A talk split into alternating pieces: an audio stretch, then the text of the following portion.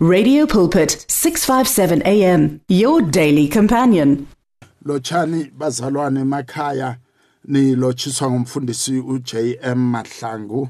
Nginilochisa ngisuka emhathweni omkhulu iRadio Pulpit ePretoria umnganakho wamalanga wonke sisehlelweni ikonzo. Umfundisi uMahlangu lapha eSun City AA kwaMhlanga ebandleni leFair Havens Revival Church. Ngibawa ke bazalwane sihlephule msinyana. Izwi lenkosi eh si khonze kanye kanye ehlelweni ikonzo. Sihloko engifuna ukukhuluma ngaso msinyana sithi you are the light of the world.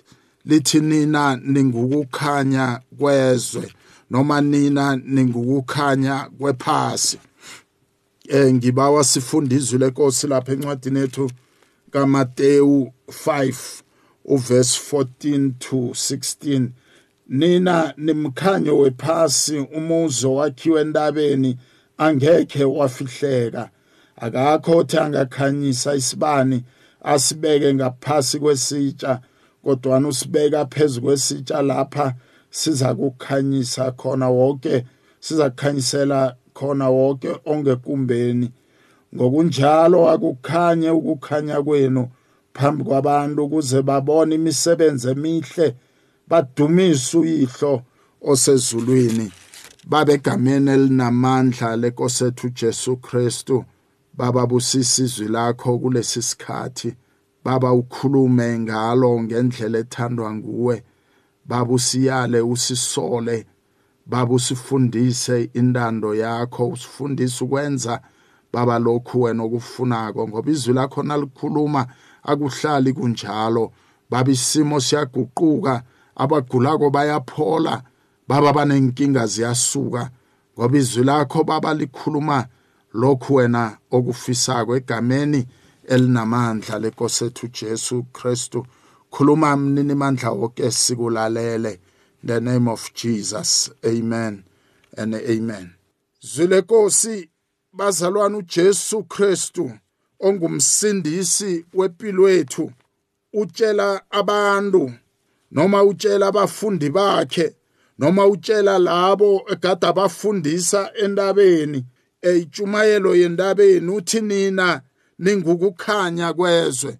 uJesu Kristu inkosi yamakhosi umsindisi wempilo yethu utshela thina abazalwane ukuthi singukukhanya kwezwe. Uthi imisebenzi yethu emihle ayibonakale senze kuhle. Ngamanye amagama singukukhanya ephasini eli nasenza kuhle njengabantwana bakazimu. Nawufunda izwi leli silifundileko ufunda uverse 16 lithi ngokunjalo akukhanye ukukhanya kwenu phambi kwabantu ukuze babone imisebenzi emihle badumise uyihlo osezulwini. Thina bazalwane njengoba simamukela uJesu waba yinkosi nomsindisi wempilo zethu utshela thina ukuthi singukukhanya kwezwe.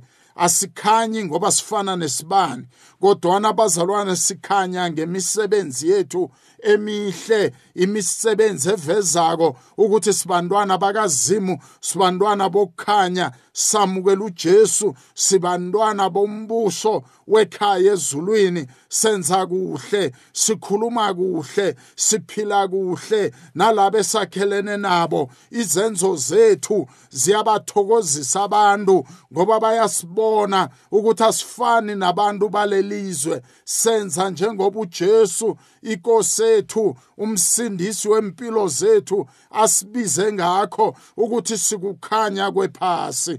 Kufanele silethe ukukhanya ngemisebenzi yethu encwadini kaJohane noma kaJohn 8 verse 12 uJesu uthi I am the light of the world.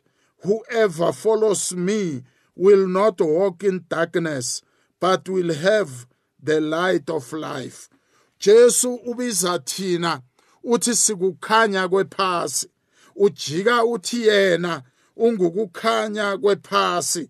Uthi namtshana ngibani omlandelako angekhe akhambe ebumnyameni kodwana uyoba nempilo yokukhanya. Ngamanye amagama abazalwane lezi statement ezimbili uJesu azikhuluma kulamavesi esiwafundile kutsho ukuthi thina abazalwane siyakwazi ukwenza lokhu uKristu akwenzako ngoba uKristu uthi thina sikukhanya kwephasi aphinde futhi athi yena ukukhanya kwephasi kodwana umahluko kube ukuthi loyo landela uKristu angekhe akhamba ebumnyameni kodwana uyokukhamba ekukhanyeni okungunaphakade. Omunye angangibuza ukuthi mfundisi nangikukhanya kwephasi kodwana ngibona ngani noma ukukhanya kwephasi kufanele kwenze noma ukukhanya nasekufikile empilweni nami kufanele kwenzeni? Ukukhanya bazalwane nani balalele emakhaya buqotsha ubumnyama ukukhanya kuhlazisa abakhuluma mala ukukhanya kuveza iqiniso ukukhanya kusitshengisa indlela ekufanele sikhambe ngayo ukukhanya kuletha ithemba ukukhanya bazalwane kuletha ukufudumala ukukhanya kuyakhanya kulethe wonke umhlaba ukhanye ngoJesu Kristu ongumsindisi wempilo yethu uJesu Kristu okunguye owasinqobela bazalwane. uJesu Kristu wanikela impilo yakhe ukuthi yena thina siphile sibe ngukukhanya. Ukukhanya akusabi ukukhanya. Ukukhanya kukhanya njalo noma kungabe kusemnyameni kuyakhanya. uJesu bazalwane uthi thina sikukhanya kwezwe. Sikukhanya kwezwe ngokuphila impilo elungileko ngokuphila impilo yesindiso kwamambala ngokuhlukana nezono ngokuphila kuhle nalabo esiphila nabo. Bazalwane imisebenzi yethu isenza sibe kukhanya ukwenza kwethu kusenza sibe kukhanya. Ngilona loyo lalelele tshumayelo namhlanje mzalwane ekhaya nawe mlaleli yilwela ukuthi wena ube kukhanya kwezwe. Akutsho mina njengomfundisi kodwana kutsho inkosi uJesu nayifundisa kwentabeni ithi nina abantu nikukhanya kwezwe ngoba senisindisiwe.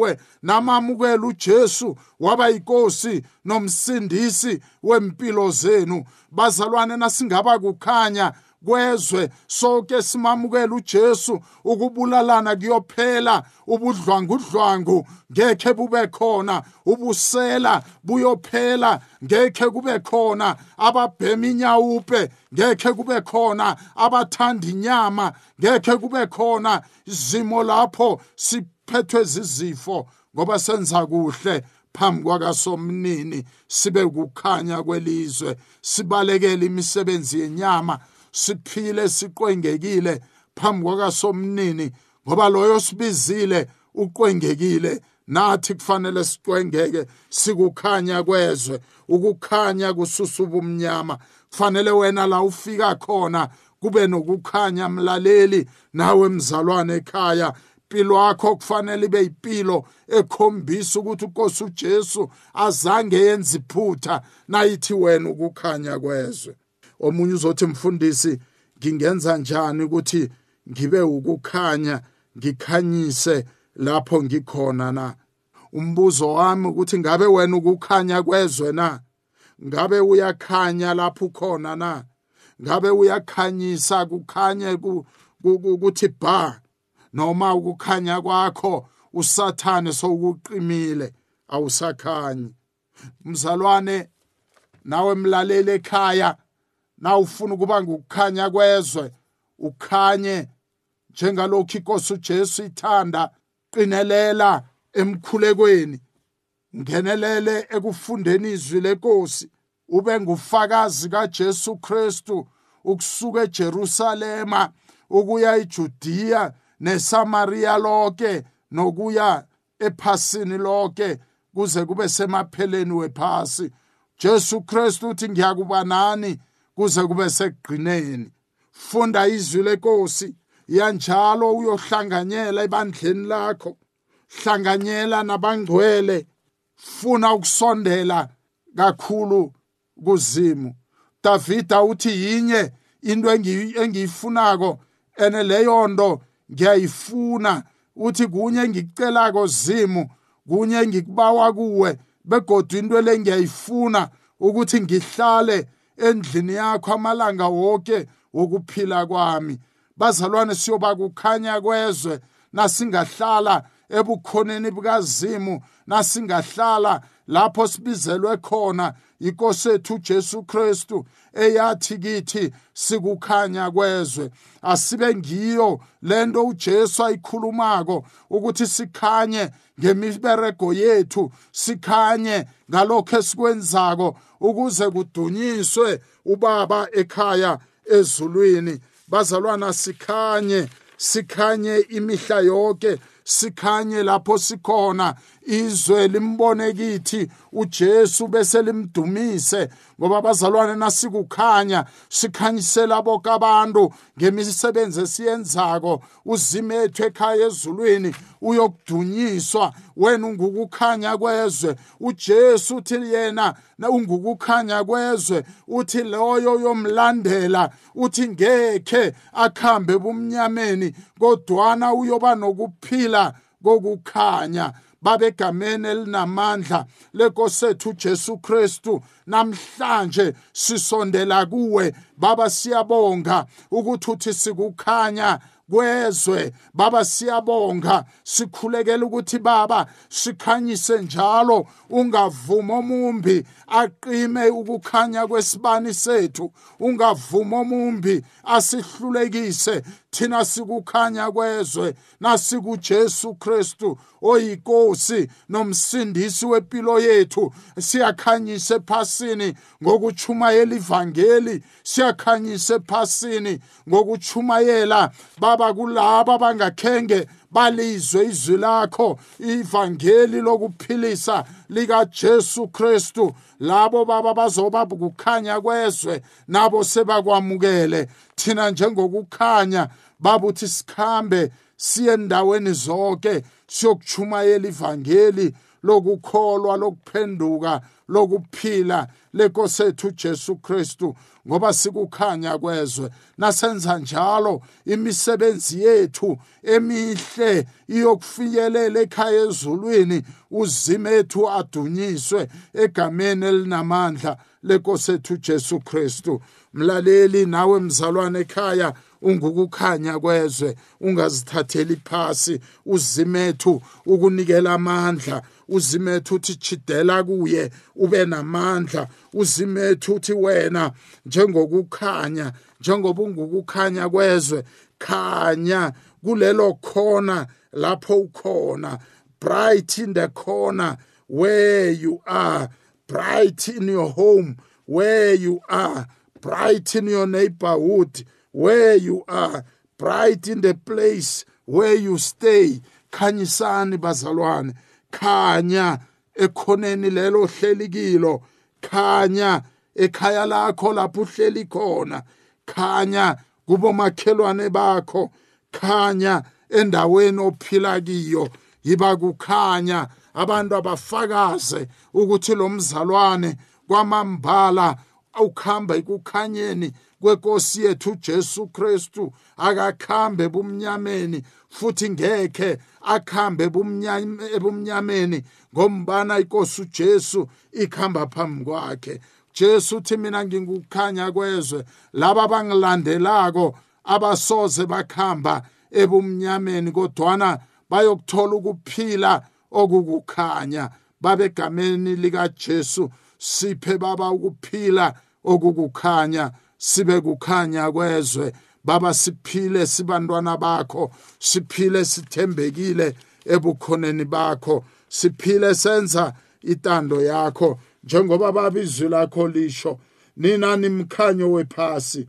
Umuzo wakhiwe entabeni angekhe wafihleka. Thina bazalwane njengoba sesikukhanya kwezwe nasesikhanya abanye bethu siyasuka. Sithi sisekukhanyeni sibuyele bumnyameni sithi sisekukhanyeni sibuyele sokwenza into zobumnyama. Sibuyele baba senze lokho osikhiphekikho osisindisekikho lokho baba osihelebhe ukuthi sikuhlule kodwana siphinde siphile bumnyameni izwi lenkosi lithi akakho othi angakhanyisa isibani asibeke ngaphasi kwesitsha. Banengi abakholwako banengi abamamukela uJesu njengenkosi nomsindisi kodwana basiko ukukhanya kwezwe ngoba bathethe ukukhanya kwabo bakufihla ngaphasi kwesitsha ukuthi bangabonakali ukuthi bakukhanya kwephasi ngenxa yezono ezibasindako. Ngenxa yezono ezibadisibezako. Siyadisibezwa abazalwane.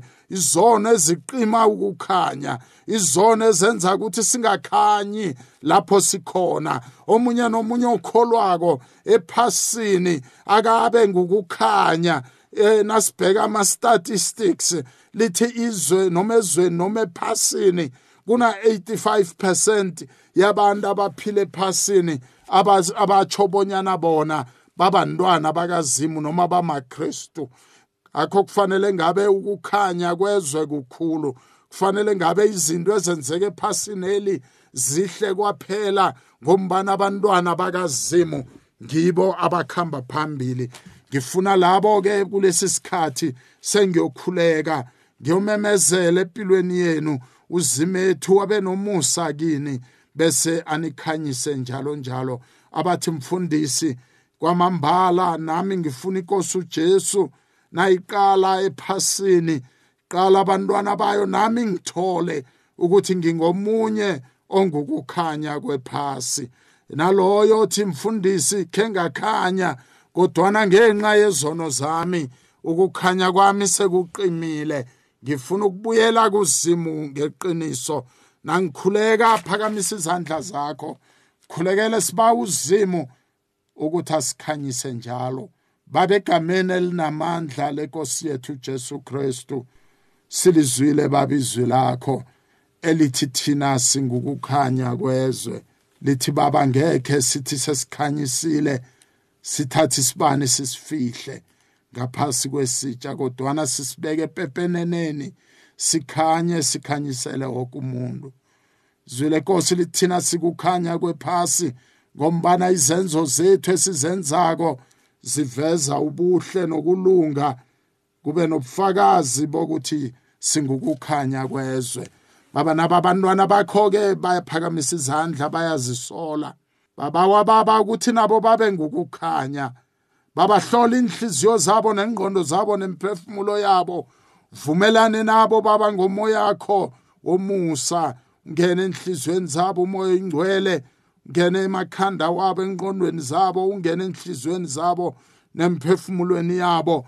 Baba usiqinise usilungisise. Sibe ngukukhanya kwephasi ngeqiniso. Sibe ngukukhanya sikhanye ngezenzo zethu. Senze kuhle babebusweni bakho.